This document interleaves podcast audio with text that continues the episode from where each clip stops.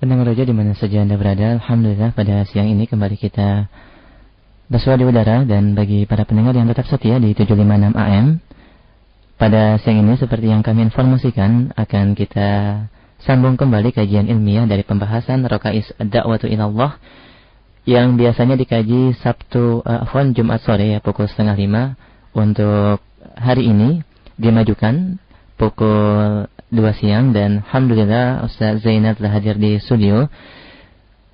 Dalam keadaan sehat dan kita juga memberikan kesempatan bagi Anda para pendengar semua untuk berinteraksi secara langsung di 8236543 bagi Anda yang ingin bertanya perihal pembahasan dakwah ya dan seputar permasalahan mengenai tema kita siang hari ini dan juga Anda bisa melayangkan pertanyaan melalui pesan singkat di 088 887631110 kita sapa terlebih dahulu. Assalamualaikum Ustaz.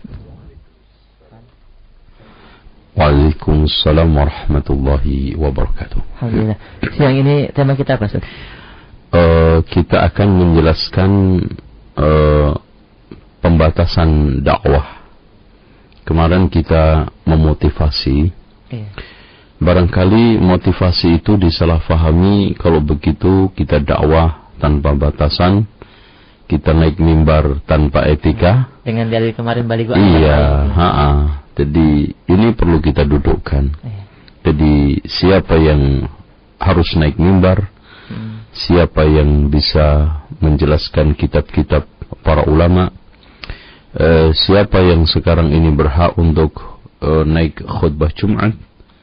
Dan siapa saja yang sekarang ini harus mendakwai uh, temannya antar teman ini perlu kita dudukkan. Ya, masya Allah. Tapi bagi para pendengar, uh, antum bisa berbicara atau berinteraksi secara langsung di 8236543 pada sesinya. Dan untuk selanjutnya kita simak kajian dari pembahasan ini dan kepada Ustaz Zainal kita persilahkan. Fadol Ustaz. Bismillahirrahmanirrahim. Nahmaduhu wa nasta'inuhu wa nastaghfiruhu wa nastahdihi ونعوذ بالله من شرور أنفسنا ومن سيئات أعمالنا. من يهده الله فلا مضل له ومن يضلل فلن تجد له وليا مرشدا. أشهد أن لا إله إلا الله وحده لا شريك له وأن محمدا عبده ورسوله. لا نبي بعده. قال الله عز وجل يا أيها الناس اتقوا ربكم الذي خلقكم من نفس واحدة وخلق منها زوجها وبث منهما رجالا كثيرا ونساء. واتقوا الله الذي تساءلون به والأرحم إن الله كان عليكم رقيبا. وقال عز وجل يا أيها الذين آمنوا اتقوا الله وقولوا قولا سديدا. يصلح لكم أعمالكم ويغفر لكم ذنوبكم. ومن يطع الله ورسوله فقد فاز فوزا عظيما. فإن خير الحديث كتاب الله وخير الهدي هدي محمد صلى الله عليه وسلم وشر الأمور محدثاتها وكل محدثة بدعة وكل بدعة ضلالة وكل ضلالة في النار Pendengar Radio Raja yang dimuliakan oleh Allah Ikhwani wa akhwati fillah Terutama pendengar setia kaji kitab Syekh fadl ilahi seputar masalah rokaisud dakwah di dalam acara meniti uh, uh, mutiara dakwah salaf.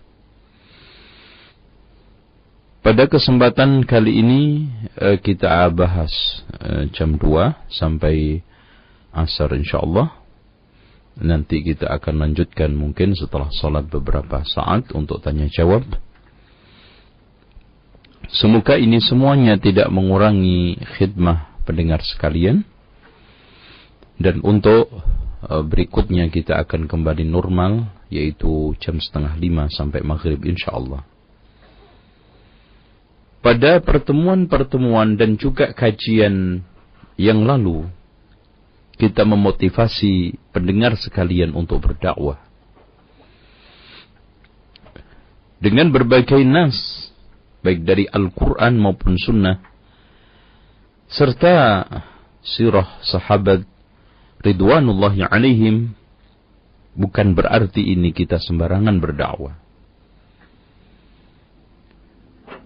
Dakwah itu ada dua macam yaitu yang pertama adalah dakwah amah yaitu men mendakwai orang secara umum lewat mimbar masjid, lewat khutbah, menulis dan menjadi pengajar, membedah kitab, mengkaji kitab serta menguraikan beberapa ayat-ayat Allah dan hadis-hadis Rasul. Ini jelas tidak boleh sembarangan orang. Ini harus dilakukan oleh orang yang mumpuni. Ini harus dilakukan oleh orang-orang yang kapabel. Karena masalahnya nanti kalau sudah mimbar atau majlisul ilm tidak lepas dari pertanyaan-pertanyaan yang mengarah kepada fatwa. Sementara Rasulullah SAW mengatakan, Man uftiya bi ghairi ilmin, fa ithmuhu ala alladhi aftah. Dan Orang yang paling berani mengeluarkan fatwa adalah orang yang paling paling jahil sebetulnya, paling bodoh.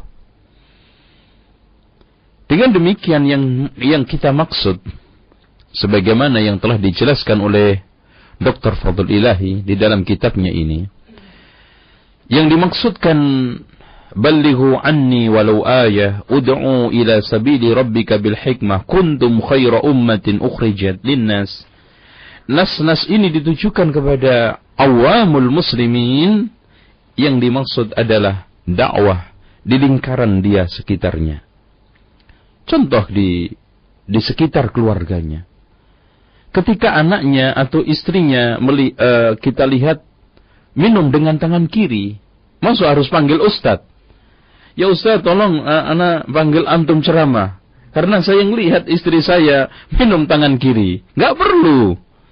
Dan ah, anak nggak nggak usah negur deh, biarin istri saya minum dengan tangan kiri karena anak belum ustad. Atau mungkin melihat istri kita tidak sholat, atau sebaliknya istri melihat suaminya tidak sholat. Atau merokok, ini kan tidak butuh ustad. Itu jelas hukumnya merokok, meninggalkan sholat, tidak memakai jilbab.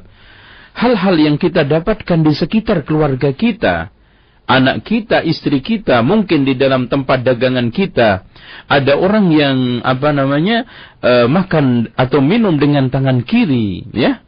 Itu kan tidak harus kita panggil ustaz. Karena hal itu merupakan suatu hal yang wabah. Atau di tempat kerja kita. Ya. Nah, inilah yang kita maksud balighu anni walau ayah. Dengan demikian قل هذه سبيلي أدعو إلى أدعو إلى الله على بصيرة أنا ومن اتبعني وسبحان الله وما أنا من المشركين ilmu-ilmu Islam yang terkait dengan pengajaran-pengajaran yang sifatnya darurat. Contoh kalau kita lihat keluarga kita tidak puasa Ramadan.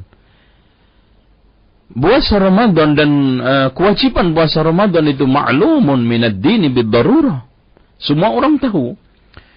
Sekarang sebagai seorang suami atau siapa pun yang mendapati di tengah keluarganya, entah itu orang tuanya atau pamannya, bibinya mendapati tidak puasa, maka tidak ada alasan, ah saya biarin aja deh, saya kan belum ustadz, saya kan belum menjadi da'i, dan ini kewajiban seorang ustadz dan da'i. Tidak. Anda langsung bisa menyampaikan bisa memberikan nasihat wa tawasau bil haqqi wa tawasau bis sabr. Nah, inilah yang kita maksud daerah dakwah yaitu daerah atau lingkaran dakwah cakupan dakwah orang-orang awam yang tidak membutuhkan dia itu status dai atau ustadz yaitu lingkaran keluarga, lingkaran tempat kerja, lingkaran berteman, bersahabat, bermanjelis. Suatu contoh kita bermajlis di di mana saja kita menemukan pasti di antara mereka entah ngomong kotor atau mungkin perbuatan-perbuatan maksiat.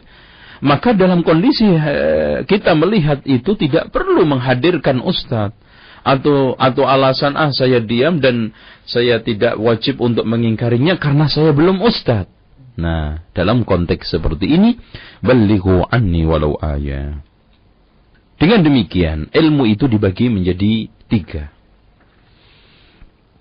Uh, ilmu yang uh, ma'lumun minad dini bid-darurah seperti uh, salat, zakat, puasa, haji, jujur, tepat janji.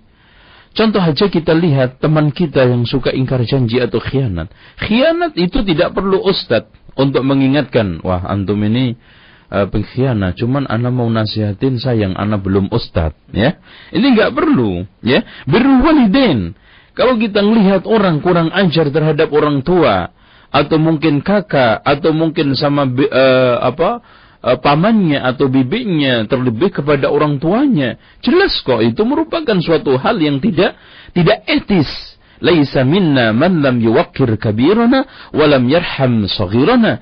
Bukan termasuk orang golongan kami orang yang tidak menghormati yang tua dan menyayangi yang muda. Dan sayang ini akan muncul ketika yang muda itu menghormati. Maka kalau kita lihat ada anak yang durhaka kepada orang tua. Ini kan tidak perlu kita hadirkan Ustadz untuk menegurnya atau mungkin, Masya Allah ada orang di depan kita menampar pipinya orang tuanya. Wah sayang, anak belum ustad. Kalau ona udah ustad, lu, gue larang nih. Nggak perlu kan? Hal-hal seperti inilah yang dimaksud kita itu balighu anni walau ayah ud'u ila sabili rabbika bil hikmati wal mau'idil hasanah yang simpelnya semua muslim wajib berdakwah dalam lingkaran ini tadi ya dalam lingkaran ini suatu contoh uh, tentang pentingnya silaturahmi, eh? Kemudian hal-hal yang haram, yang masyhur seperti khomer, zina, judi. Eh, yakin kok, tidak ustadz pun faham. Hatta orang awam itu faham bahwa judi itu haram. Zina itu haram. Bahkan membuka aurat bagi seorang wanita itu haram. Maka wanita-wanita untuk menegur wanita yang lainnya yang tidak menutup aurat itu tidak perlu anak belum ustazah atau anak bukan da'iyah atau bukan kewajiban saya. Entar deh nanti kalau sudah ilmu saya itu banyak. Ini ilmu darurat yang tidak tidak perlu uh, kita itu beralasan saya itu belum ustaz belum ini langsung kita sampaikan. Kecuali kalau kita itu sekarang uh, ceramah membahas tentang masalah uh, hikmahnya haramnya khomer, hukumnya khomer, macam-macam khomer. Ini ini jelas. Itu adalah kerjaan ustaz, syekh, ulama. Uh, tapi kalau sekarang menjelaskan secara global tadi, umpamanya haramnya khomer, haramnya zina, haramnya judi, haramnya ingkar janji, bahkan haramnya sombong. Ini merupakan suatu hal yang ma'lum minad dini bid darurah Nah, di sinilah balighu anni walau ayah. Wajib bagi setiap muslim tidak mengenal status mau pedagang ke, mau sekarang petani, mau guru, mau orang biasa, mau karyawan, ketika melihat kemungkaran di sekitar dia, sekitar keluarganya, sekitar tempat dagangannya, tempat kerjanya, tempat gaulnya atau majelisnya, maka pada saat itu Anda wajib menyampaikan dakwah. Kuntum khaira ummatin ukhrijat dinnas ta'muruna bil ma'ruf dan termasuk al-ma'ruf adalah salat wa tanhauna 'anil munkar dan termasuk kemungkaran adalah meninggalkan salat ketika sekarang Anda mendapati keluarga Anda tidak salat keluarga Anda durhaka terhadap orang tua al-munkar anda harus tegur langsung. Inilah maksud masing-masing orang harus menyampaikan dakwah. Kemudian berikutnya kita akan bahas nomor dua, ya.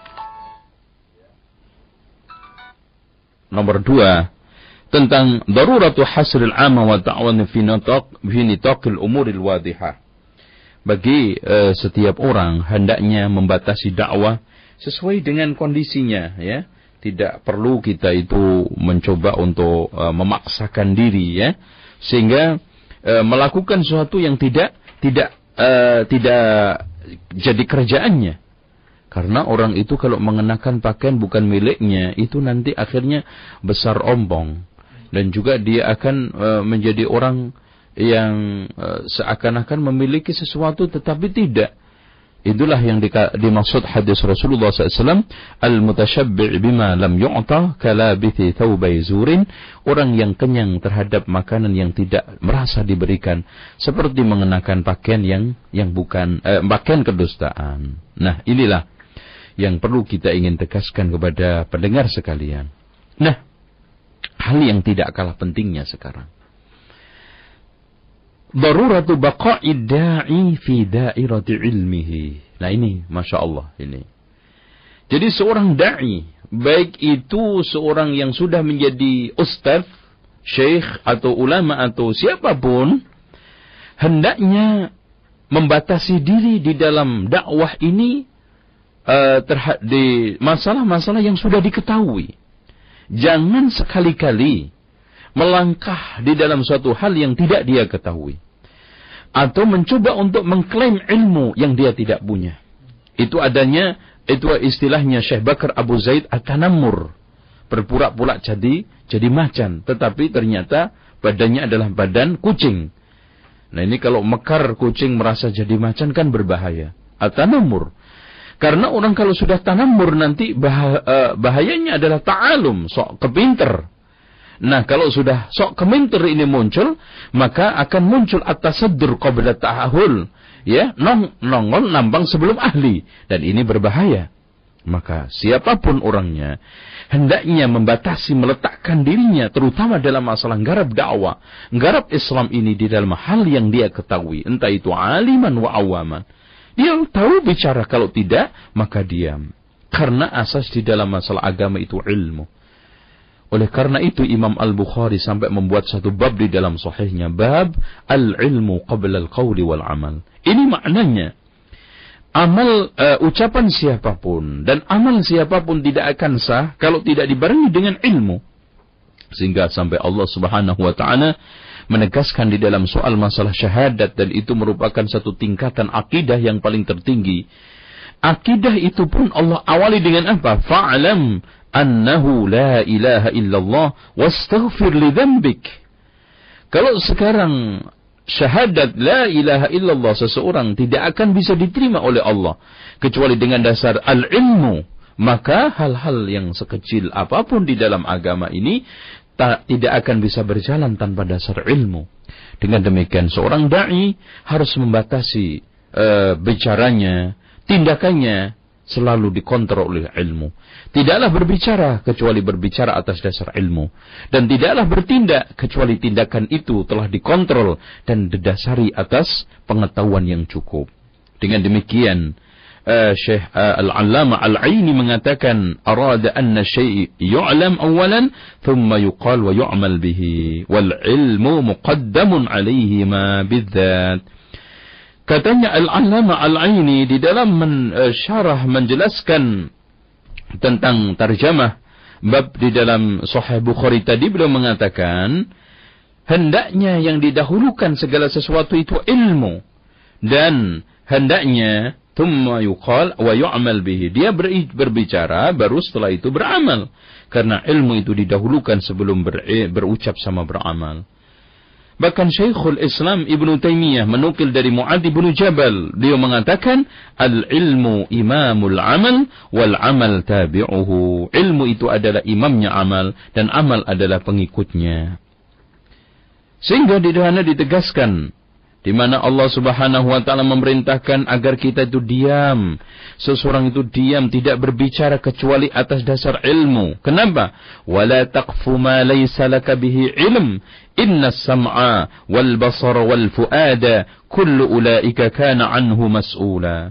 Wala taqfu ma laysa laka bihi ilm. Jangan coba-coba Anda berbicara, bertindak, menentukan satu pilihan tanpa dasar ilmu karena sesungguhnya pendengaran, penglihatan dan hati akan dimintai pertanggungjawaban oleh Allah Subhanahu wa taala. Katanya Imam Al-Allama Asy-Syaukani mengatakan di dalam tafsir ayat ini yaitu di dalam kitab Fatul Qadirnya an-nahyu an ay yaqula al-insanu ma la ya'lam aw bi amalin bima la ilma lahu bihi. Di dalam ayat ini Allah Subhanahu wa taala menegaskan bahwa Allah melarang orang berbicara tanpa dasar ilmu atau beramal tanpa dasar ilmu. Siapa yang berbicara tanpa dasar ilmu atau beramal tanpa dasar ilmu, maka dia akan celaka hidupnya. Belum lagi mencelakakan orang lain. Kalau ucapan tersebut, tindakan tersebut sebagai contoh panutan orang lain. Berapa banyak orang-orang yang ingin, sejatinya ingin membenahi. Ingin meluruskan. Tapi caranya tidak, tidak, pakai dasar ilmu. Akhirnya merusak. Kalau kita lihat, banyak orang-orang yang bergerak di bidang dakwah banyak orang yang Masya Allah ya, keliling dari satu tempat ke tempat lain. Pindah dari rumah ke rumah lain. Pindah dari satu masjid ke masjid yang lainnya. Tapi tanpa dasar ilmu. Al-basirah tidak dimiliki. Akhirnya apa? Lebih banyak merusak, lebih banyak menyesatkan orang, lebih banyak menggelincirkan orang dari Islam. Akhirnya dia sudah merasa benar ketika diberikan ajaran-ajaran yang benar, ilmu yang benar, apa? Menolak. Nah ini bahayanya. Dia sudah akrab dengan kesesatan, akrab dengan kebodohan ketika ditunjukkan ilmu menolak. Ini bahaya. Karena bodoh sudah diyakini ilmu itu kan bahaya, Pak. Kalau ilmu diyakini suatu kebodohan dan kebodohan diyakini suatu ilmu rusak dan ini kenyataannya. Walhasil, coba bayangkan Rasulullah SAW menyontohkan kepada kita contoh yang baik. Ketika Rasulullah SAW ditanya tentang Zulkarnain oleh orang Yahudi, dia mengatakan la adri, Coba lihat. Sehingga senjata yang paling terbaik bagi seorang da'i, bagi seorang ahli ilmu, bagi seorang ustadz atau da'i, siapa saja yang menyampaikan ilmu, kalau memang tidak tahu, tidak mengetahui ilmunya, maka hendaknya mengatakan, Wallahu alam atau la adri. Sehingga Ibnu Abbas mengatakan, siapa yang di dalam kamus hidupnya tidak pernah mengenal la adri, Wallahu alam, dia telah kena batoknya. Ya, kena batunya. Qad usibat muqatiluhu katanya kena batunya. Karena orang kalau sudah tidak berani atau gengsi mengatakan la a'lam, la adri, maka dia akan celaka di dalam dakwahnya menyampaikan ilmu. Enggak usah jauh-jauh kalau sekarang ilmu umum aja. Dia mengatakan, "Mas, bisa komputer enggak?" Wah, nggak bisa mengatakan, wah saya nggak tahu. Eh digarap aja dibongkar. Akhirnya apa? Komputer dipretelin nggak bisa masang lagi. Mesin mobil diturunkan nggak bisa pasang lagi. Hancur. Malaikat aja nggak pernah gengsi kok mengatakan Rabbana la ilma lana illa tanah Subhanallah. Ini suatu contoh buat kita semua. Bagaimana seorang malaikat yang begitu besar, begitu maksum, dia diajari oleh Allah Subhanahu wa taala pengajaran-pengajaran sehingga dia menjadi orang ini makhluk yang suci. Ketika dia tidak mengetahui sesuatu tentang apa yang ditanyakan oleh Allah, Rabbana ini uh, la ilma lana illa ma 'allamtana. Ya Allah, tidak ada ilmu bagi saya kecuali yang telah Engkau ajarkan. Oleh karena itu Abdullah ibnu Mas'ud mengatakan kepada ki, kepada uh, kita untuk nasihatin kita semuanya. Beliau mengatakan satu ucapan yang sangat indah. Wa an uh, beliau uh, dari Ibnu Sirin, qala lam yakun ahadun ba'da Nabi sallallahu alaihi wasallam uhiba lima la ya'lam min Abi Bakar. Saya tidak mengetahui orang yang paling ya, ya kita kagumin lah. Orang yang paling takut mengatakan sesuatu yang tidak diketahui daripada Abu Bakar. Walam yakun ahadun ba'da Abi Bakar uhiba lima la ya'lam min Umar. Tidak ada orang yang paling takut mengatakan sesuatu tanpa dasar ilmu setelah Abu Bakar kecuali Umar. Wa anna Abu Bakr nazalat bihi qadiyah falam yajid fi kitabillah minha asla. Setelah Abu Bakar menemukan satu masalah, ya menghadapi satu problem agama, setelah tidak menemukan dari kitabullah, kitabullah, ya, wala fi fi sunnah dan juga tidak menemukan hal itu di dalam sunnah. Asaran maksudnya asar fajtahada ra'yahu. Kemudian dia istihad thumma qala sambil mengatakan hadza ra'yi ini adalah pendapatku. Wa iyyakun sawaban faminallah. Kalau itu benar maka ini datang dari Allah. Wa iyyakun khata'an faminni. Dan kalau salah itu datang dari saya. Wa astaghfirullah. Saya mohon ampun kepada Allah. Dan ini juga diucapkan oleh Abdullah ibnu Mas'ud. Di dalam banyak hal. Kalau orang yang paling terdepan di dalam masalah keilmuan Abu Bakar Umar. Mengatakan seperti itu. Abdullah ibnu Mas'ud siapa yang meragukan keilmuannya? Ketika dia beristihad pun tidak menemukan dalil dari Alkitab wa sunnah. Dia beristihad sambil mengatakan, kalau memang ini benar, maka datang dari Allah. Dan kalau salah itu datang dari diri saya. Dan saya minta ampun kepada Allah subhanahu wa ta'ala. Suatu hal yang indah. Seperti yang ditegaskan oleh malaikat. Saat ditanyai tentang sesuatu yang terkait dengan ilmu-ilmu yang diajarkan oleh Allah kepada Nabi Adam dengan tawaduknya malaikat itu mengatakan la ilma lana illa ma'allamtana. Makanya Allah mengajarkan kepada kita semua dan untuk pelajaran kita semua, para dai terutama, para ustadz terutama, jangan suka memaksakan sesuatu yang dia tidak tahu. Memaksakan kita mengenakan pakaian mungkin resikonya sobek.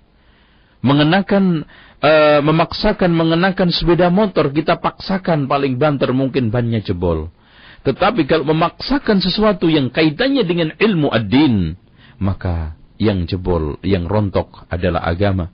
Perhatikan firman Allah surat Sad ayat 60, eh, 86. Qul ma as'alukum alaihi min ajrin wa ma ana minal mutakallifin. Katakan Muhammad, aku tidak minta kepada kalian satu upah dan saya tidak termasuk orang-orang yang mutakallifin. Al-takalluf itu memaksakan sesuatu yang dia tidak bisa. Memaksakan sesuatu untuk menjawab sesuatu yang tidak tahu. Sehingga di sini Abdullah ibnu Mas'ud memesan, Ya ayyuhan nas, wahai manusia, man su'ila an ilmin ya'lamuhu falyakul bihi. Jika di antara kalian ditanya tentang ilmu tahu maka katakan, wa man lam yakun indahu ilmun falyakul Allahu a'lam. Jika ditanya tentang ilmu sementara dia tidak tahu maka hendaknya mengatakan Allahu alam fa inna minal ilmi ayyakula lima la ya'lam Allahu alam. Termasuk ilmu katanya Ibnu Mas'ud ketika kita ditanya enggak tahu mengatakan Allahu alam itu ilmu sudah. Inna Allah tabaraka wa ta'ala karena Allah subhanahu wa ta'ala mengatakan li nabiyhi sallallahu alaihi wasallam kepada nabinya Qul la as'alukum alaihi min ajrin wa ma ana minal mutakallifin. Wa ma ana minal mutakallifin. Kalau Rasulullah Shallallahu Alaihi Wasallam aja sering mengatakan kan, kalau ditanya itu, kalau memang belum dapat wahyu, la adri, ya, saya tidak bisa menjawab. Bahkan sampai ada teguran di dalam surat uh, Al-Kahfi karena tidak mengucapkan insya Allah. Ya, itu menunjukkan bahwa Rasulullah Shallallahu Alaihi Wasallam manusia besar manusia tempat ilmu dan sumbernya hikmah. Ketika dia ditanya tentang sesuatu yang beliau tidak memiliki ilmunya, dia mengatakan, La adri. Sampai wahyu datang. Satu kisah yang sangat menarik di sini saya akan ingin sampaikan. Di mana Rasulullah Sallallahu Alaihi Wasallam pernah ditanya, ya, Ya Rasulullah, ayul biqai khairun. Bumi yang paling baik itu apa wahai Rasulullah? Qala la adri. Faqala ayyul biqa'i syarrun ya Rasulullah. Bumi yang paling jelek itu apa wahai Rasulullah? Faqala la adri. Faqala sal rabbak. Tanya kepada Tuhanmu ya Rasulullah. Fa'atahu Jibril sallallahu alaihi wasallam. Faqala ya Jibril ayyul biqa'i khairun. Rasulullah SAW tanya kepada Jibril, Wahai Jibril, bumi yang paling baik itu apa wahai Jibril? Qala, la adri. Jibril enggak tahu, la adri. Faqala ayyul bika'i khay syarrun ya Jibril. Jibril juga mengatakan, la adri. Faqala sal rabbak. Jibril, tanya sama Tuhan kamu. فانتقض فانتفض جبريل انتفاضة كاد يصعق منها محمد صلى الله عليه وسلم وقال وما أسأله عن شيء فقال عز وجل لجبريل سألك محمد أي البقاء خير؟ فقلت لا أدري وسألك أي البقاء شر؟ فقلت لا أدري Fa'akhbarahu maka Allah subhanahu wa ta'ala akhirnya menghabarkan setelah mendapatkan laporan dari malaikat Jibril in anna khairal biqa'il masajid wa anna syarral biqa'i al aswaq ya sebaik-baik bumi adalah masjidnya dan sebaik-baik eh, sejelek-jelek bumi adalah pasarnya. Dan ini sejalan dengan uh, walaupun hadis ini uh, ada kelemahannya namun di sana ada syahid.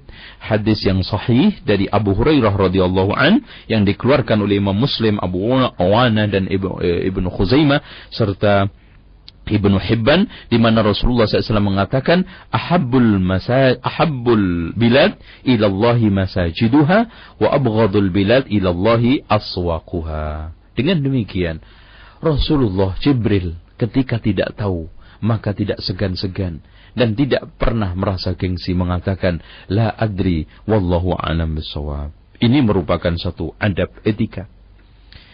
Karena Rasulullah sallallahu alaihi wasallam telah menegaskan kepada kita semua. Seperti yang telah ditegaskan oleh Ubadah ibnu Samit, qala kunna inda Rasulillah sallallahu alaihi wasallam. Pernah kita duduk-duduk di sekitar Rasulullah SAW. Tubayi'uni ala an tusyriku billahi syai'a. Hendaknya kalian membaiahku agar kalian tidak menyekutukan Allah dengan siapa pun sedikit pun. Wala tasriqu jangan mencuri. Wala taznu jangan kamu berzina. Faman wafa minkum fa ajruhu 'ala Allah.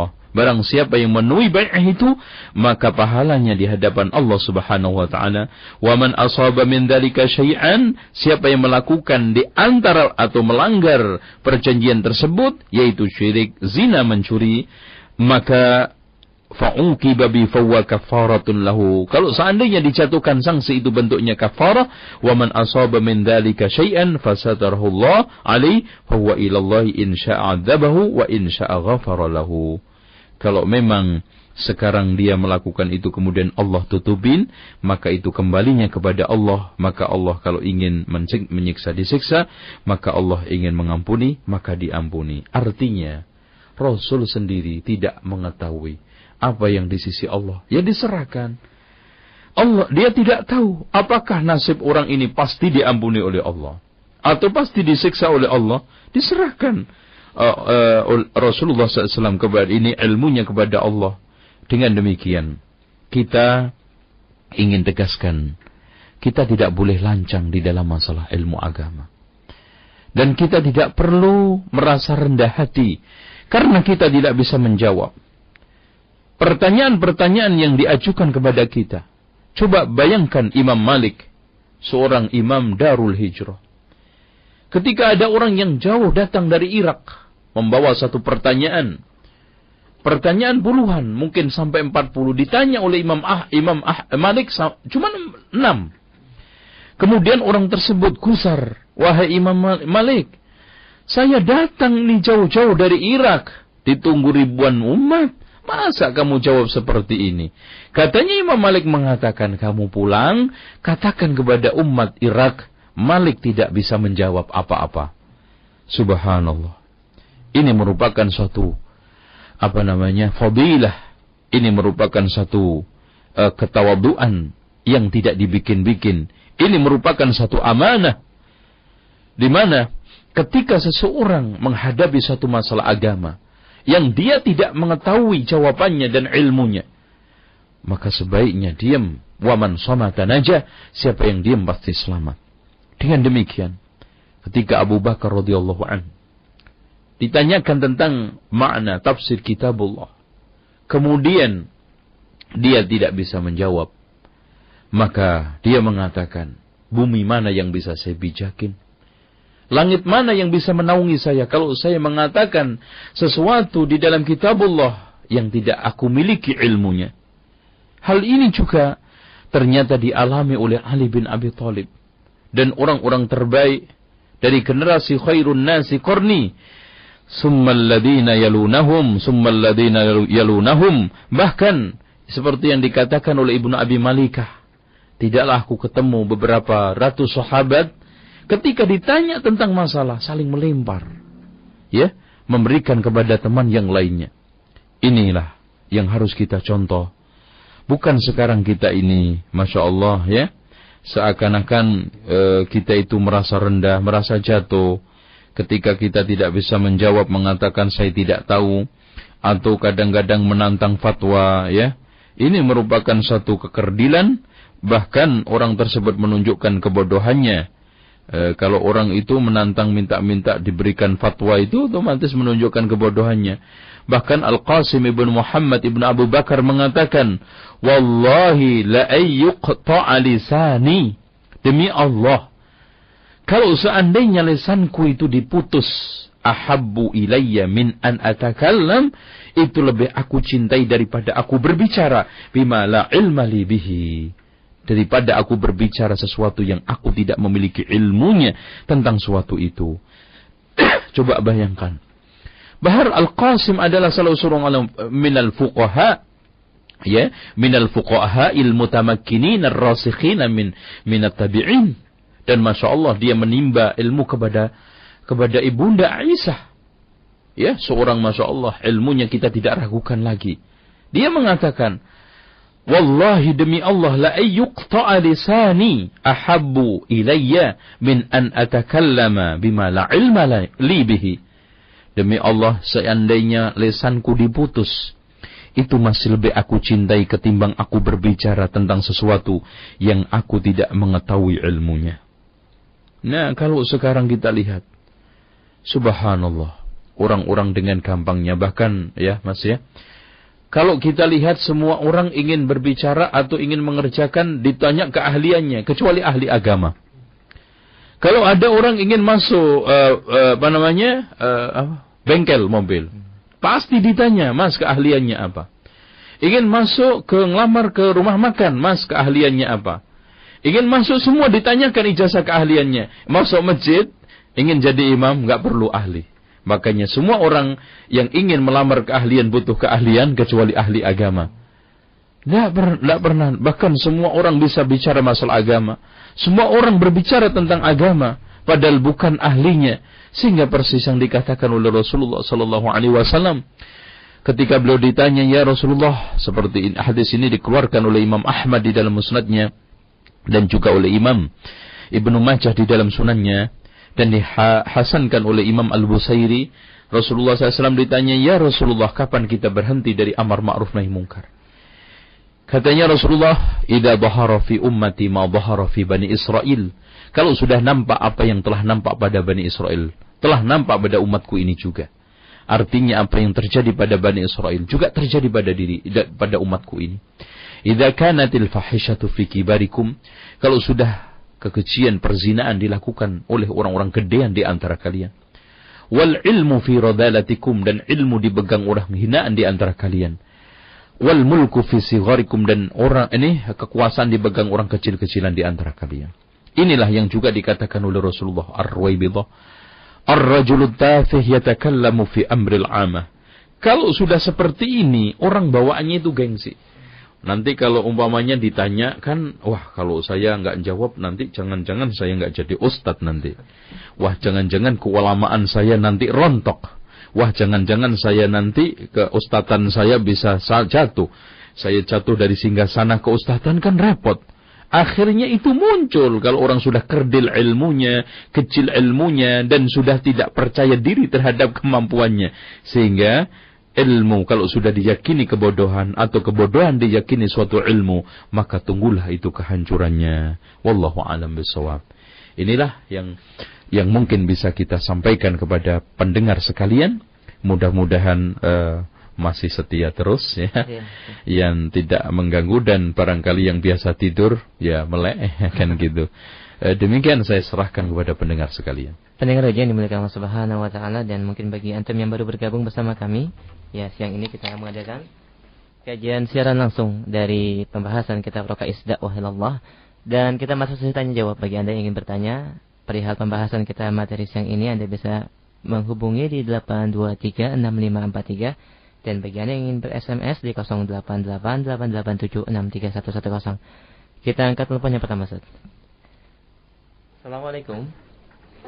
Ya, dengan siapa Ibu di mana? Dengan Umu Saukil di Tambun. Di Tambun. Silahkan.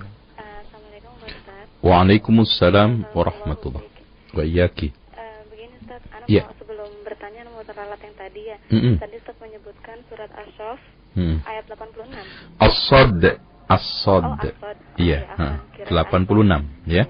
Uh, pertanyaannya ya bagaimana ya Ustaz apabila kita suka menasihati seseorang Ya. karena orang tersebut sering melakukan kesalahan-kesalahan yang menyimpang dari syariat, Ya. tetapi orang tersebut tidak pernah berubah, Hmm. apakah orang tersebut telah dikunci mati hatinya oleh Hmm. Allah Mm-mm. atau bagaimana ya Ustaz? Contohnya kesalahannya gimana, Mbak? Misalkan dalam keluarga, uh, Mm-mm. contoh apabila dia seorang istri, Mm-mm. dia mm, tidak berbakti kepada suaminya, Suaminya. atau dengan kesalahan-kesalahan sedikit suami itu Mm-mm. dia eh, Suka ngungkit-ngungkit. Iya, suka Mm-mm. terlalu berani mungkin Masya sama Allah. suami Iya, seperti iya. itu atau atau mungkin sebaliknya lah itu, mm-mm, Nah, oke. anak kira seperti itu. Ya, cukup ya. Jazakallah. Wa iyyaki.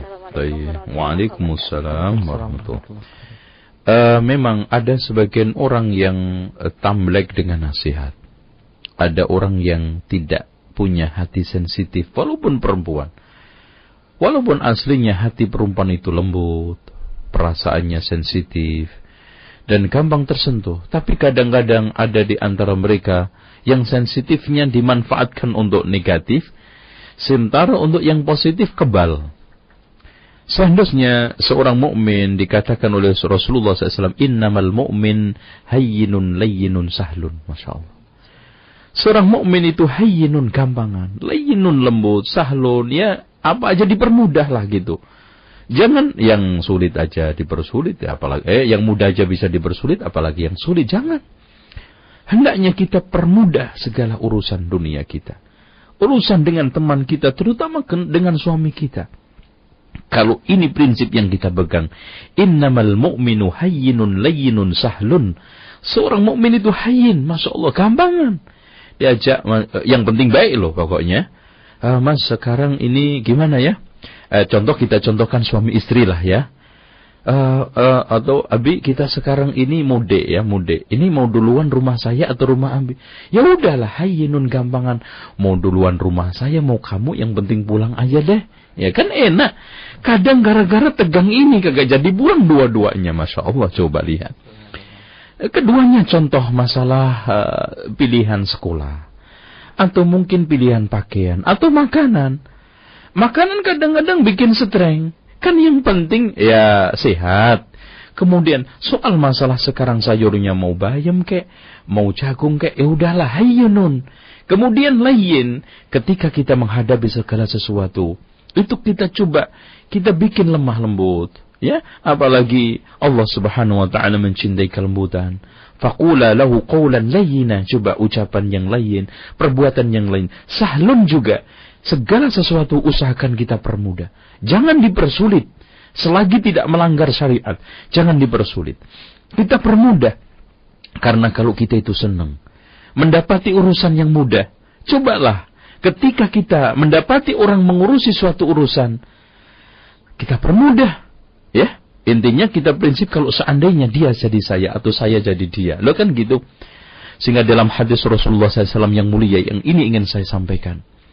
Man ahabba ayu zahzaha minan nar wa yudkhilal jannah falyati maniyatahu wa huwa yu'min billahi wal yawmil akhir falyati ila nasi alladhi yuhibbu awi awi ayyuta ilaih Masya Allah Barang siapa yang ingin dijauhkan Allah dari sur neraka dan dimasukkan oleh Allah ke dalam neraka hendaknya mendatangi maniyahnya mati dalam eh ya maaf dimasukkan ke dalam surga maaf eh, kalau keliru. Dimasukkan ke dalam surga ya di, di, dikeluarkan dari neraka dimasukkan ke dalam surga hendaknya mendatangi kematiannya dalam keadaan dia beriman kepada Allah dan Rasulnya dan mendatangi orang seperti dia senang didatangi. Maksudnya menyenangkan orang lain gampangi orang lain. Kalau saya di, dipermudah orang senang loh kenapa aku nggak mempermudah orang lain kalau sekarang saya disenyumi orang itu senang. Loh kenapa anak nggak senyum sama orang lain? Kalau sekarang saya pinjemin, eh, kalau dipinjemin orang itu utang, terus baliknya itu tepat. Loh kenapa sekarang kita tidak mengembalikan apa namanya harta orang lain tepat pada waktunya? Itu senang. Harusnya seperti itulah konsep kita di dalam menjalani hidup bersama manusia. Intinya, ketika kita memandang orang lain, hendaknya kita camkan satu kalimat kalau saya jadi dia. Nah, ini yang paling penting. Wallahu a'lam. Kita angkat kembali penelpon yang kedua. Iya. Assalamualaikum. Waalaikumsalam. Dengan ya. siapa Ibu di mana? Dari Umu Albani di Cibarusa. Silakan. Ya, silakan. Nah, Pak Ustadz, ya. ini ya, dulu saya punya teman gitu yang menyukai manhat salaf. Tetapi ketika ada seorang salaf yang menyakiti hatinya, Loh. ya dia dia tuh merasa ini Pak apa uh, sakit hati gitu dan hmm. kembali lagi kepada ustadznya yang dulu gitu yang selalu menjelek-jelekan manhat salaf gitu Pak. Nah. Uh, jadi ketika saya nasihati dia bilang pengajian di mana saja sama gitu selama hmm. mereka berpegang pada Al-Qur'an dan sunnah gitu. Oh, oh, pertanyaan saya ini bagaimana saya menjelaskannya lagi? Itu saja syukron. Ya, waalaikumsalam. Inilah dibutuhkan uh, man ahabba lillah wa abghadha lillah wa a'ta lillah wa mana'a lillah faqad istakmala al-iman. Barang siapa yang cinta dakwah salaf ini karena Allah, maka dia tidak akan bisa dikeluarkan ya dan tidak akan bisa keluar dengan mudah sesakit apa pun. Bahkan sakitnya dakwah itu merupakan bagian ujian yang harus dilalui dalam rangka untuk meningkatkan kualitas iman. Di dalam rangka untuk meningkatkan apa namanya kualitas komitmen istiqomah. Lah kalau sekarang orang nanti kecewa balik, kecewa balik, nanti bisa jadi orang keluar masuk, keluar masuk. Emang ini salesman untuk nawari barang apa? Kita keluar masuk pindah perusahaan sono nawarin barang sono. Ini nggak benar. Dakwah itu hanya satu. Kalau kita sudah yakin akan kebenaran sesuatu nggak mungkin akan pindah-pindah. Maka ini menunjukkan ketidakikhlasan dia di dalam bermanhaj sehingga Rasulullah SAW mengatakan, Thalathun la yaghillu bihinna qalbu mri'in mu'min. Ada tiga perkara yang membuat hati seorang mukmin tidak gampang dongkol. Yang pertama adalah ikhlasul amal lillah. Orang itu kalau sudah ikhlas beramal karena Allah, apa pun resikonya, subhanallah akan diterabas. Coba lihat ketika Rasulullah sudah meyakini ya jalan dakwahnya al-haq. Abu Bakar, Umar, Utsman, Ali sudah meyakini bahwa madda prinsip agama yang dia yakini hak, maka apa pun resikonya tetap dia istiqomah. Dia itu tetap tegar dan dia tegak di dalam di atas itu.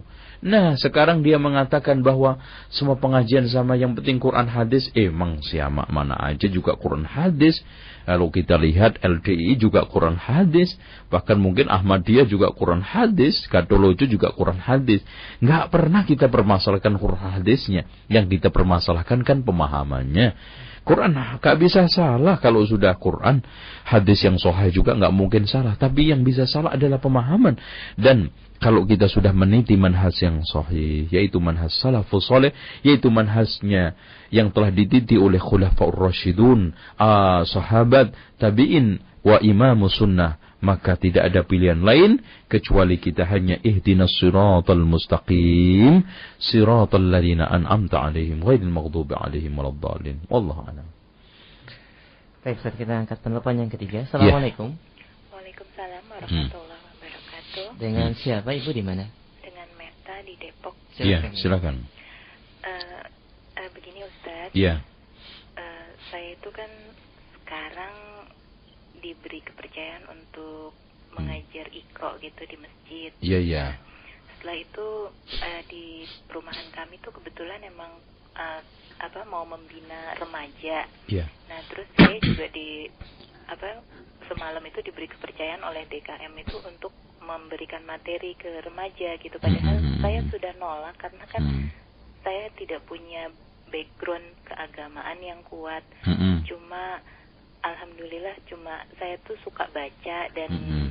suka cari-cari di internet terutama mm. misalkan tulisan-tulisan mm. dari al manhaj gitu dari manhaj mm. uh, yang seperti itu terus saya mm -hmm. suka download dan suka saya print dan saya suka kasih-kasihkan ke teman-teman mm. gitu nah apa yang harus saya lakukan pada saat uh, saya diberi kepercayaan seperti itu saya sendiri takut gitu takutnya nanti mm. saya salah yeah. dalam membimbing begitu Still. aja yeah. Assalamualaikum. Waalaikumsalam. Cara yang paling tepat kita kita batasi pembicaraan atau ceramah kita di remaja di dalam hal yang telah kita ketahui. Umpamanya kita ingin batasi penjelasan tentang uh, umpamanya kenakalan remaja dan dampaknya. Dan itu kan suatu materi yang sangat mudah sekali untuk dijelaskan. Apalagi di sana ada kitab-kitab yang mungkin bisa di-download di internet. Ya penjelasan tentang muskilatus syabab karangan Syekh Muhammad Ibnu Shalih Al-Utsaimin umpamanya. Tetapi kalau sekarang men, men, me, menjelajah di dalam hal-hal yang mungkin kita tidak ketahui, terus terang aja, dalam hal ini saya belum mengetahui ilmunya atau belum menguasai ilmu secara detail, maka saya tidak bisa menjawabnya. Sudah selesai itu. Pokoknya usahakan batasi diri Anda di dalam hal yang ti, yang Anda ketahui. Wallah a'lam. Baik, Untuk selanjutnya kita angkat beberapa pertanyaan dari pesan singkat ya. ya Sudah ya. masuk. Taib yang pertama, Assalamualaikum warahmatullahi dari Akhi Ikhwan di Cikarang. Iya. Ustaz Anda mohon nasihat bagaimana cara menyadarkan orang tua yang telah terjebur, terjerembab ya, atau masuk ke dalam ilmu kejauhan, hmm. contoh primbon Jawa, yeah. dan sebagainya. Apakah semacam ini sudah termasuk kesyirikan dan mengingat orang tua tinggal di kampung, dan Anda sulit sekali untuk menjelaskannya, hanya bisa hmm. mendoakan bagaimana solusinya. Iya. Yeah. Memang uh, apa yang saya tempuh pun mungkin belum manjur untuk sebagai resep uh, sempurna. Cuma mungkin sebagai uh, apa ya perbandingan saja. Memang orang tua itu harus ada komunikasi yang lembut komunikasi yang menghargai.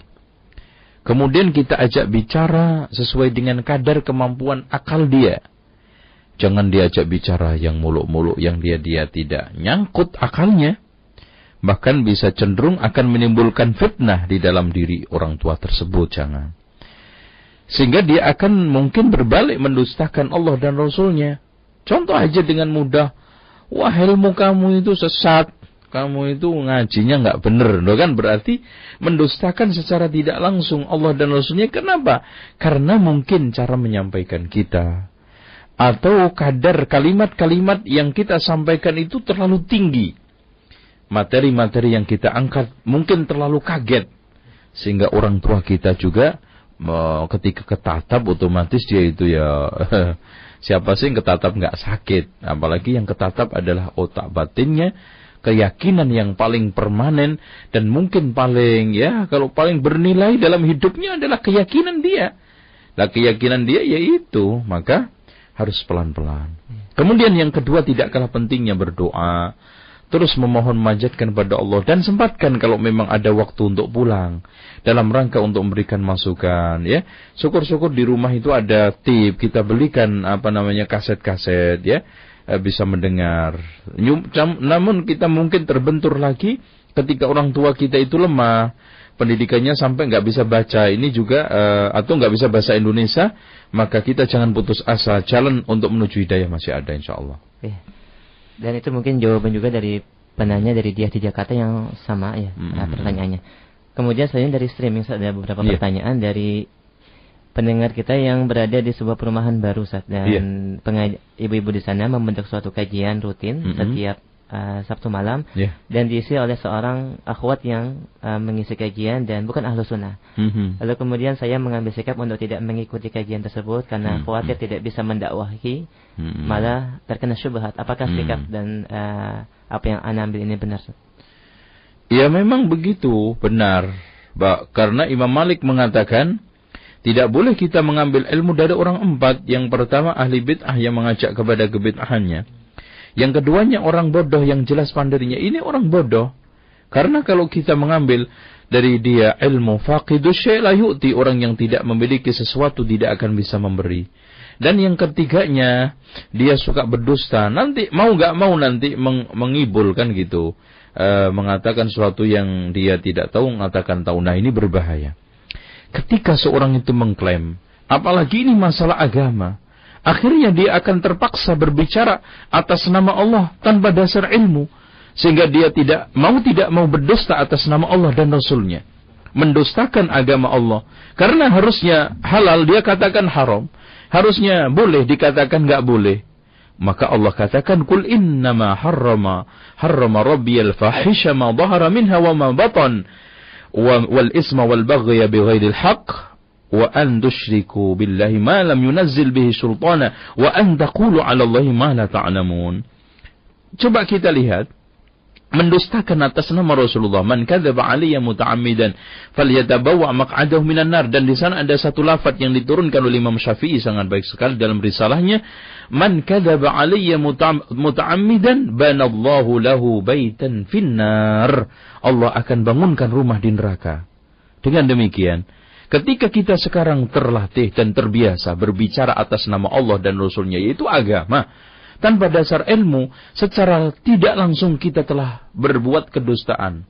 Mendustakan Allah dan Rasulnya. Kenapa? Harusnya kalau Anda tahu dalil bahwa perkara ini haram, ternyata Anda katakan halal. Contoh aja, Anda tidak tahu tentang haramnya mencukur jenggot. Sehingga akan mengatakan, nggak apa-apa kok. Anda tidak tahu dalilnya haramnya isbal. Maka Anda dengan lancangnya mengatakan, ah isbal itu nggak apa-apa. Coba lihat akhirnya Anda berbicara atas dasar eh, berbicara eh, tentang agama tanpa dasar ilmu, akhirnya mendustakan Allah dan Rasulnya. Allah a'lam. Kita angkat teleponnya. Ya, silakan. Assalamualaikum. Waalaikumsalam. Oh, ya. Dengan siapa Ibu di mana? Dengan Ibu Yanti di Bekasi. Silakan. Ya. Assalamualaikum Ustaz. Waalaikumsalam. Gini Ustaz, Anda Ya. kan punya keluarga masih agama Nasoro semuanya ya. Ya, Dan masya suatu Allah. saat ibu terkena ini penyakit darah Mm-mm, tinggi. Nah, mm-mm. karena saya bisa berbekam, saya Mm. tawarkan dia untuk berbekam. Hmm. Tapi adik saya yang kedua, Ahwat ya melontarkan kata itu kan alat-alat dukun katanya kan gitu. Itu akhwat muslim. Ah, Nasoroh. Mana sor? Apalagi dipakai banyak orang-orang Cina katanya gitu kan. Mm-mm. Aku sih benci banget dengan hal-hal kayak begitu katanya Mm. kan gitu. Terus Mm. anak jelaskan melalui dalil, anak dakwahkan ya, Mm-mm. malah jadi syubhat. Mm. Allah papa juga ngerti kok masalah hadis dan Quran tapi nggak ada tuh masalah bekam dijelaskan kata dia kan gitu. nah karena masalah ini anak dan adik terlibat perdebatan dan banyak uh, syubhat yang mencela agama yang anak jalani sekarang. nah karena anak udah capek meladeni anak keluarkan ucapan Hmm. jika papa emang benar dengan apa mengerti masalah dalam Quran dan hadis dia tidak akan murtad dan memilih menjadi orang kafir saya bilang Hmm. gitu Ya, betul. Terus adik saya membalas jika mbak memang anak papa tidak akan kurang ajar dan mengata-ngatai iya katanya kan gitu nah terus anak jadi emosi Ustaz ya Ya. terus Oh. oh ya udah kalau anak dianggap kurang ajar kalau gitu anak bukan dianggap anak papa kan ya kayak saya bilang gitu Hmm. ya udah tak apalah Allah ini masih menyayangi saya saya bilang Hmm, gitu hmm. nah terus Ustadz apakah dalam dakwah ini anak uh, jadi jadi merasa salah juga ya karena Hmm, hmm, hmm, seperti anak itu udah Hmm. jadi memutuskan hubungan saudara akhirnya Iya, iya, gitu iya. Iya. nah ucap uh, uh, Ustadz apakah ucapan anak tersebut salah dan Iya, ucapan saya- anak ini menjadi anak sebagai anak yang durhaka gitu Ustadz jazakallah khair Ustadz Ya, ah, ah. assalamualaikum Waalaikumsalam. Waalaikumsalam warahmatullah. Eh, perlu diketahui bahwa siapa pun orangnya yang menjelek-jelekkan kita, maka prinsip ahli sunnah wal jamaah tidak boleh balas. Makanya Ibnu Taimiyah di dalam kitabnya Al-Amru bil Ma'ruf wan Nahyi 'anil Munkar beliau mengatakan hendaknya amar ma'ruf kamu dengan cara yang ma'ruf dan nahi mungkar Anda tidak dengan cara yang mungkar. Dan beliau juga menukil di dalam kitab itu dari Sufyan Ats-Tsauri mengatakan, hendaknya orang yang beramar ma'ruf nahi mungkar ilmu dulu sebelum amar ma'ruf nahi mungkar. Lemah lembut ketika amar ma'ruf nahi mungkar dan sabar setelah amar ma'ruf nahi mungkar. Memang betul hal ini tidak semudah yang diteorikan. Tetapi kita harus berlatih karena orang itu bisa karena biasa. Memang kadang-kadang kita jengkel, tapi kita ini bukan untuk membela diri, tetapi ingin membela agama Allah. Kalau yang saya amati itu tadi dialog dialog membela diri, memang orang eh, yang Anda hadapi tidak akan menjadi soal ucapan apa pun yang dia sampaikan, kalimat apa pun yang dia pilih, tidak pernah dia anggap resiko karena memang sudah sesat. Namun agama kita inna dina indallahil Islam. Maka harus kita sampaikan dengan cara yang baik. Coba camkan bagaimana Rasulullah, eh, maaf, Nabi Musa sama Harun. Ketika diutus oleh Allah subhanahu wa ta'ala, dipesan untuk mendakwai Fir'aun, faqula lahu qawlan layyina la'allahu yatadhakkaru aw yakhsha. Fabima rahmatin minallahi linta lahum, Masya Allah. Dengan rahmat Allah kita itu bisa berlemah lembut. walau kunta faddan ghalidhal qalbi lan faddu min hawlik.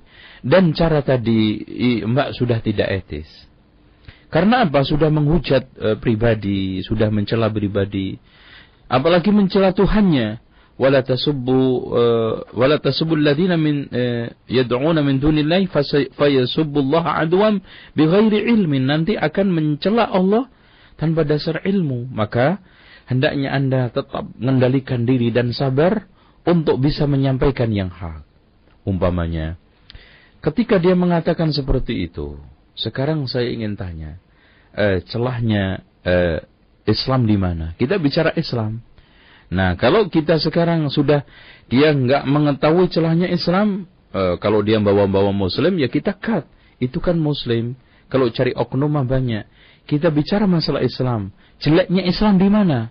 Nah, baru setelah itu kita tunjukkan kesesatan-kesesatan Kristen dari mulai tauhid. Ya Tuhannya tiga, masa Tuhan tiga. Coba bayangkan kalau tiga-tiganya ini menginginkan satu keinginan. Kemudian keinginan itu pasti nggak seragam tarik-menarik. Yang satunya ingin menerbitkan matahari dari utara. Yang satunya dari selatan. Nah ini kan ilmiah, tapi jangan juga nggak ilmiah.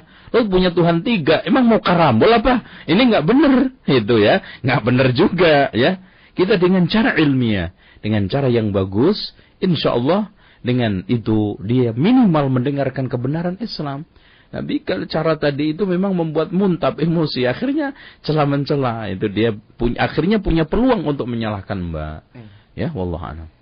Baik, Ustaz. Untuk selanjutnya kita angkat penelpon yang kedua. Ya. Assalamualaikum. Ya. Waalaikumsalam. Dengan siapa Bapak di mana? Saya Abdurrahman Ciracas. Silakan. Ya, silakan Pak. Menanyakan ini, ya. apakah Imam Syafi'i itu memang anjurkan sama pengikutnya itu ada ajaran bid'ah. Soalnya saya pernah itu uh, tukar pikiran sama sama apa pengurus masjid di Al Barkah di Ciracas itu. Tatanya dia jawabnya begini situ kan oh, ajaran Maliki saya kan ajarannya Syafi'i. Saya bilang itu kalau keras-keras orang sikir itu di dalam surat Al-Arab ayat 205 itu nggak boleh itu dikeras-keras hmm. suara. Jadi jawabannya begitu. Imam Syafi'i. Ah, jawabannya nah, begitu. Iya, Dia jadi bilang situ ajaran Malik kalau saya kan Syafi'i. Jadi, jadi maka saya jadi bingung apa memang Syafi'i ajarin anak seperti anak, itu. Pengikutnya itu sebagai hmm. ajaran-ajaran bid'ah gitu. Iya, cukup ya Pak ya. Ya. Ah, Assalamualaikum. Waalaikumsalam. Ini Al-Barkah di Ciracas. Iya, ini Imam Syafi'i jadi kambing hitam terus memang. Memang betul Pak, bahkan eh, kalau kita dialog-dialog di daerah saya Lamongan. Mitoni katanya Imam Syafi'i. Mentok-mentok paling wali songo. Ya Tujuh bulanan Imam Syafi'i. Tahlilan Imam Syafi'i. Maulid Nabi Imam Syafi'i siapa? Di mana kitabnya? Dan penjelasan penukilan riwayatnya di mana? Dengan demikian, kalau kita ingin mempelajari madhab Imam Syafi'i dengan benar, baca di dalam kitab Al-Um, baca di dalam kitab Musnad Imam Syafi'i, hadis-hadis yang diangkat, semua bertentangan dengan yang mereka nisbatkan. Hmm. Bahkan dari sisi akidahnya, manhajnya, bertentangan. Yang jadi masalah di kita ini, Pak, fikihnya ngambil Imam Syafi'i, akidahnya Ash'ari, eh, tasawufnya Ghazali, hmm akhlaknya mungkin eh, mungkin Ghazali juga, kadang Maturidi, mungkin ekonominya ya Yahudi kan gitu. Akhirnya satu ajaran yang campur aduk nggak karu-karuan. Padahal kita itu sudah diajarkan oleh Allah dan Rasulnya. Di dalam tata cara beragama. Sudah Masya Allah enak dengan dengan Allah subhanahu wa ta'ala. Konsep al-yawma akmaltu lakum dinakum wa atmamtu alaikum ni'mati wa raditu lakumul islam madina. Itu Masya Allah. Cuma memang orang ada kurang puas dengan kesempurnaan Islam. Sehingga ditambah-tambahi. Dengan tambahan itu supaya dia keren. Dinisbatkan kepada Imam Syafi'i. Wa syafi'iyu bari'un minha. Min, minha. Syafi'i berlepas diri dari itu semuanya. Wallahu'ala. Iya, artinya kalau seandainya kaum muslimin benar-benar mengikuti Imam Syafi'i, tentu mereka dekat sekali dengan sunnah ya. Iya, pasti itu. Karena beliau mengatakan, iya. in sahal hadis fa madhabi. Iya. Kalau kamu menumbuhkan hadis yang sahih, itulah madhabku. Iya, subhanallah. Tapi kita angkat penelpon yang ketiga, sesi yang kedua ini. Assalamualaikum. Waalaikumsalam. Iya, dengan siapa Bapak di mana? Dengan Pak Samsul. Iya, silakan. Pak Samsul di mana, Pak? Di Cimanggis. Cimanggis, silakan, Pak. Ustaz, Hmm. Gimana menyikapi ini Ustaz? Hmm. Apa? Ma mas apa? Saya dengar ini apa? Waktu khotib Jumat itu Ustaz. Hmm. Masalah maulid itu Ustaz. Iya, iya. Ya. Khotibnya nyampe, nyampaikan gini. Huh. Udahlah yang senang maulid, maulid. Yang tidak senang, ya udah. Tapi jangan yang nggak senang, bidah-bidahkan. Oh. itu mau jalan pintas untuk ngelak itu, Pak. Nyikapi seperti ini. Iya, cukup ya, Pak ya. Assalamualaikum. Waalaikumsalam warahmatullahi Ini sebetulnya Pak, Pak bahasa lain dari lakum dinukum waliyadin. Eh, lana amaluna walakum amalukum. Padahal orang Islam itu kan asasnya watawasau bil haqqi watawasau bis sabr. Ad-dinun nasihah. Bahkan kegembiraan seorang muslim ketika bermuamalah dengan saudaranya, bertemu dengan saudaranya adalah mau memberikan nasihat. Bahkan dalam hadis Rasulullah SAW tadi yang sudah saya sampaikan falatun la yaghillu bihinna qalbu mri'in mu'min. Yang pertama kan ikhlas, yang kedua munasahatu latil amri dalam lafaz lain al munasahah likulli muslimin. Kemudian luzumul jamaah. Dengan demikian kalau ada trik-trik membatasi diri, nggak mau berbicara masalah agama, tidak mau berdialog dalam masalah agama, atau tidak mau membicarakan masalah soal-soal hukum agama, atau marah kalau diajak atau tersinggung keagamaannya ketika didiskusikan, ini merupakan ciri-ciri ahli bid'ah. Lah kalau memang al-haq itu kan satu, Qala Allah qala Rasul yang dipahami oleh Rasul eh, oleh sahabat Khulafaur Rasyidun, kemudian sahabat berikutnya lalu tabi'in serta imam sunnah yang telah dikatakan oleh Rasulullah khairun nasi qarni thumma alladhina thumma alladhina yalunahum. Tetapi kalau sekarang kita membatasi kan itu lo punya agama sendiri gue juga punya agama sendiri lo punya keyakinan gue juga punya keyakinan. Udah deh lo gak usah bahas. Nah ini kan lakum dinukum waliyadin.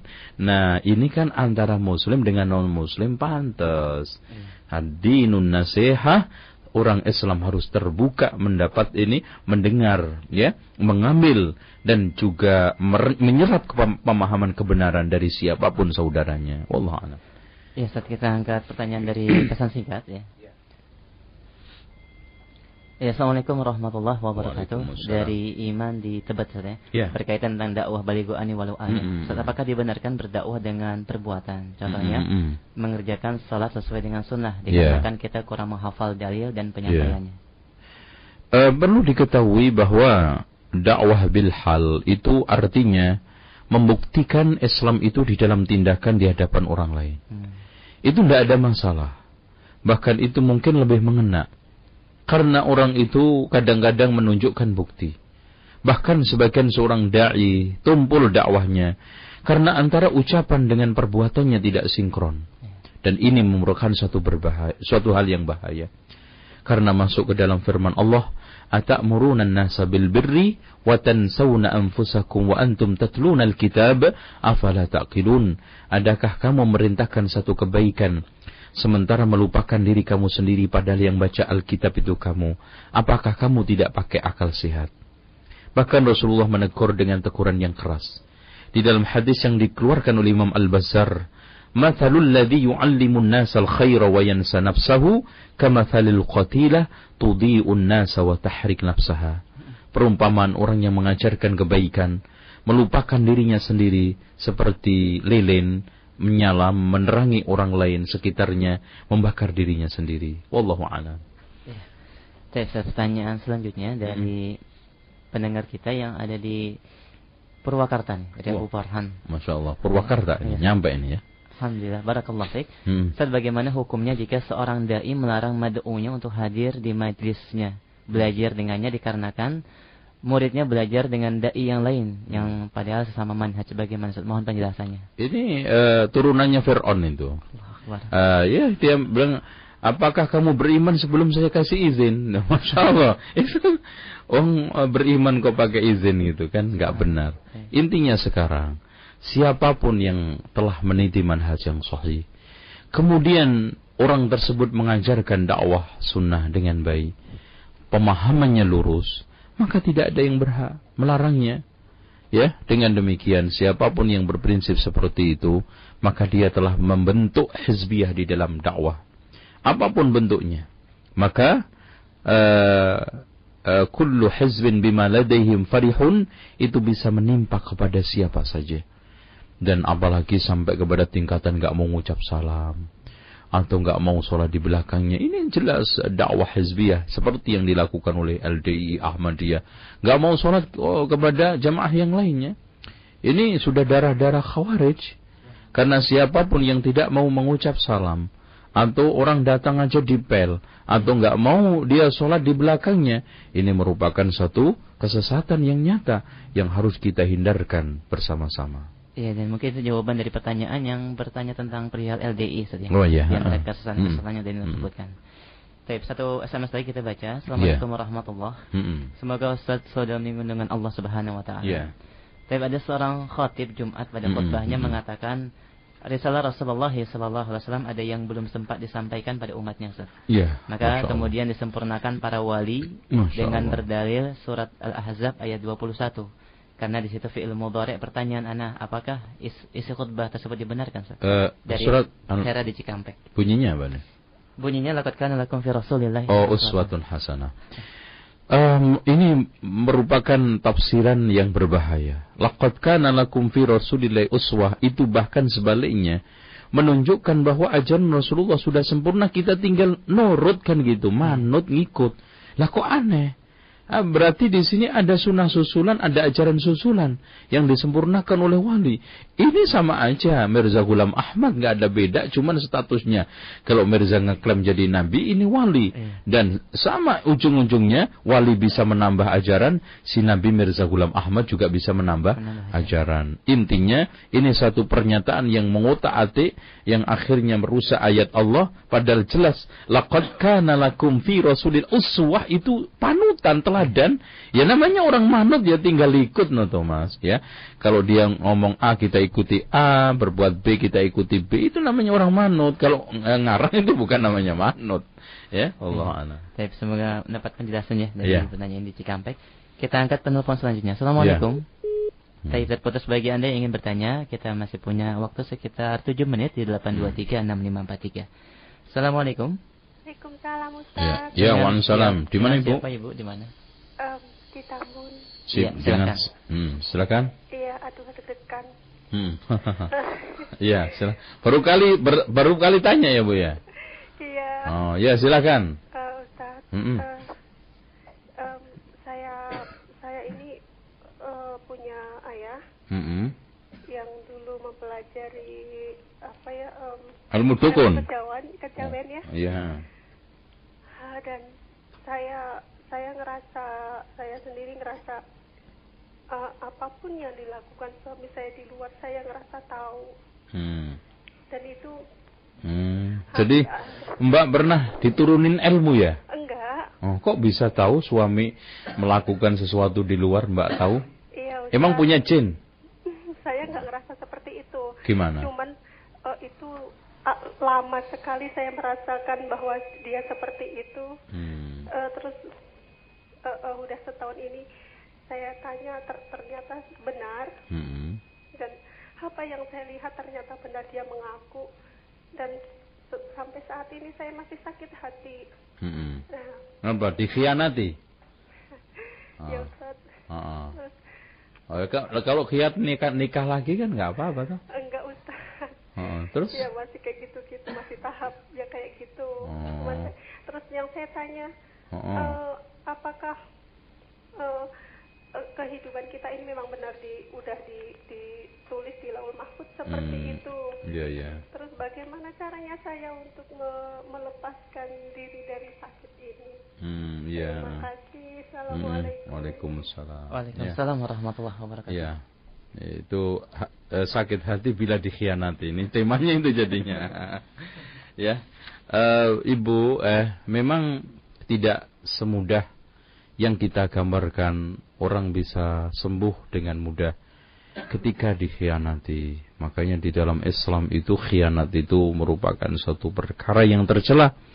Apalagi pengkhianatan kesucian. Tetapi kita tidak boleh terpuruk di dalam hal itu sehingga akhirnya kita hidup merenung murung tanpa ada solusi-solusi, tanpa ada mencari untuk kunci-kunci selesai. Maka yang paling terpenting sekarang bagaimana ibu bangkit untuk mencari jalan keluar dan kemudian setelah itu kita coba praktekkan pelan-pelan dan mencoba untuk mendekati suami. Karena apa? Karena suami yang seperti itu kita tidak bisa menyalahkan dalam tanda petik bahwa pasti ada sebab-sebab di dalam. Mungkin karena dia merasa selama menikah kurang mendapatkan kebahagiaan yang dia inginkan dan ibu sendiri merasa mungkin telah memberikan cukup. Sehingga di sini ada miss kan? Ah, iya, sehingga butuh komunikasi. Atau mungkin ada satu hal-hal yang menyebabkan dia kurang puas mungkin dari sisi bau badan, terus kemudian kaitan dengan dandanan, atau cara penyajian makanan, hal-hal yang sepele mungkin ibu anggap, tapi itu masalah berat buat suami. Atau mungkin tampilan rumah yang mungkin semrawut, ada orang yang memiliki tabiat rapi dan senang kerapian. nah, hal-hal yang seperti ini tidak bisa kita hanya selesaikan dengan saling curiga yang suami menyelesaikan dengan cara seperti itu salah dan istri menyelesaikan dengan curiga juga salah, maka tidak ada cara yang paling baik kecuali komunikasi. Dan intinya kalau Anda ikhlas berumah tangga karena Allah, maka akan dihilangkan semua oleh Allah. Iya. Tapi satu penumpang kembali satu. Iya. Terakhir kita angkat. Assalamualaikum. Assalamualaikum. Waalaikumsalam. Dengan siapa Bapak di mana? Dari Walsija ini. Di mana Pak? Di Ujung Harapan. Wah, Ujung Harapan mungkin. Utara. Ya, silakan Pak. Saya kan tinggal di lingkungan masyarakat yang jika ada maulid, hmm. itu diadakan pembacaan kisah Nabi. Hmm. Jika potong rambut anak dibacakan hmm. rawi. Hmm. Terus jika mau pergi haji itu diadakan acara ratiban gitu. Wah, kenyang dong Bapak itu. Selamatan terus. Jadi selama ini iya. kalau saya dapat undangan, uh -uh itu saya datang cuma niat saya itu silaturahim gitu. Masa silaturahmi ya. Silaturahim apa silaturahmi, Pak? Silaturahim. Oh, ya, ada. Terus bagaimana caranya untuk dakwah atau mensikapi hmm. agar supaya hubungan saya dengan masyarakat baik. Hmm. Terus hubungan saya dengan Allah itu tidak menyalahi dengan iya. cara Rasul Nabi Betul. itu. Ya, ini yang penting. Waalaikumsalam. Bapak penanya semoga Allah subhanahu wa ta'ala memberikan kekuatan dan ketegaran. Yang paling terpenting adalah ridha Allah. Man talaba ridallah bisakhatin nas radiyallahu anhu wa ardan nasa alaihi. Barang siapa yang mencari keridhaan Allah dengan konsekuensi dicela, dimurka, dimusuhi manusia, maka Allah ridho kepadanya dan suatu ketika Allah akan buat manusia senang terhadapnya. Langkah yang kedua setelah kita sudah mantap cari ridho Allah itu tujuan yang jelas. Sementara cari senangnya manusia itu nggak ada habisnya, Pak. Nah, yang saya ingin saya saya sangat sangat sayangkan, Bapak bersikap itu tidak menyelesaikan masalah. Karena mereka tidak akan pernah menganggap selesai selagi kita tidak seperti mereka. Maka ketika Bapak mencoba untuk bersikap tegas saja, akan berbalik. Yang sekian tahun kita bangun hubungan silaturahmi. Bapak coba melakukan aksi, tidak mengikuti sekali aja. Mungkin uh, bulan-bulan atau tahunan yang selama ini kita bangun silaturahmi, tidak mereka anggap ada sama sekali. Maka anda cari ridho Allah, semua akan selesai. Nah, sekarang triknya kita untuk membentuk hubungan silaturahmi dan baik kepada tetangga masyarakat. Kita tidak harus mengorbankan agama kita, Pak. Nah, caranya bagaimana? Dalam hal urusan yang bid'ah tadi kita tegas. Maulid Nabi kita tidak hadir. Dalam masalah selamatan tidak hadir, tahlilan tidak hadir. Dalam hal-hal yang sunnah seperti mungkin walima atau sosial yang mubah seperti ada acara-acara uh, kemasyarakatan yang mubah itu kita hadir. Dengan demikian klaim dia tidak bermasyarakat atau tidak mau nyampur masyarakat dan yang lainnya akan hilang. Adapun tinggal sisa terakhir, Bapak bersikap tegas akan diciriin bahwa orang tersebut memiliki pemahaman yang dia yakini. Dengan demikian, orang akan paham nanti, ah, dia juga paling uh, itu seperti itu. Ya, Bapak kalau dituduh jelek-jeleknya, ya agamanya lain paling gitu atau Muhammadiyah paling kan gitu. Atau Wahabi. Dengan demikian Anda jangan jangan kecil hati kalau namanya dakwah innalladzina ajramu kanu minalladzina amanu yadhakunu sejak dulu sejak zaman Rasulullah innalladzina ajramu kanu minalladzina amanu yadhakun orang-orang jahat di zaman Rasul dulu terhadap orang mukmin itu ngeledek mengetawakan men, uh, apa menjelek-jelekkan. Wa idza marru bihim yataghamazun wa idza qalabu ila ahli munqalabu fakihin wa ra'awhum qalu inna haula ila dhallun lihat Ketika mereka melihat orang mukmin, mereka mengatakan, "Nah, itu kan orang-orang sesat tuh." Itu sejak zaman Rasul dan ini telah ditetapkan dalam uh, ayat Allah yang mulia tadi yang saya baca. Jadi sabar, tegar insya Allah. Wallahu a'lam. Baik Ustaz, mungkin ini akhir dari kajian kita. Ya. Kesimpulan akhir Ustaz. Ya, dengan uh, kaji kita pada jam 2 sampai sekarang, saya ingin sampaikan kepada pendengar sekalian yang saya maksud pada pertemuan-pertemuan lalu, penjelasan tentang setiap muslim wajib berdakwah adalah berdakwah sesuai dengan kapabilitas dan kemampuan ilmu di tempat masing-masing secara lokal dan pribadi, di tengah keluarganya, di tengah pergaulan temannya, majelis atau toko atau tempat dagang di mana saja. Yang saya, saya kasih contoh, umpamanya ngelihat uh, istrinya naudzubillah ngerokok. Gak usah manggil ustad atau ah biarinlah istri saya ngerokok karena saya belum ustad. Nah itu. Tapi kalau sekarang dakwah artinya naik mimbar, berceramah, menyampaikan uh, apa namanya kajian, membedah kitab, menguraikan mensyarah hadis, menafsiri firman Allah, jelas ini adalah kerjaan ahlul ilmi wal fadli dan orang-orang khusus yang tidak digarap oleh sembarangan orang. Intinya jangan sampai kita itu atanamur berpura-pura tampang macan tapi pada hakikatnya adalah kucing dan kita akhirnya kecebur ke dalam satu kondisi ta'alum pura-pura pinter tapi ternyata tidak dan naudzubillah atasaddur qabla ta'ahul nampang sebelum ahli wallahu alam bisawab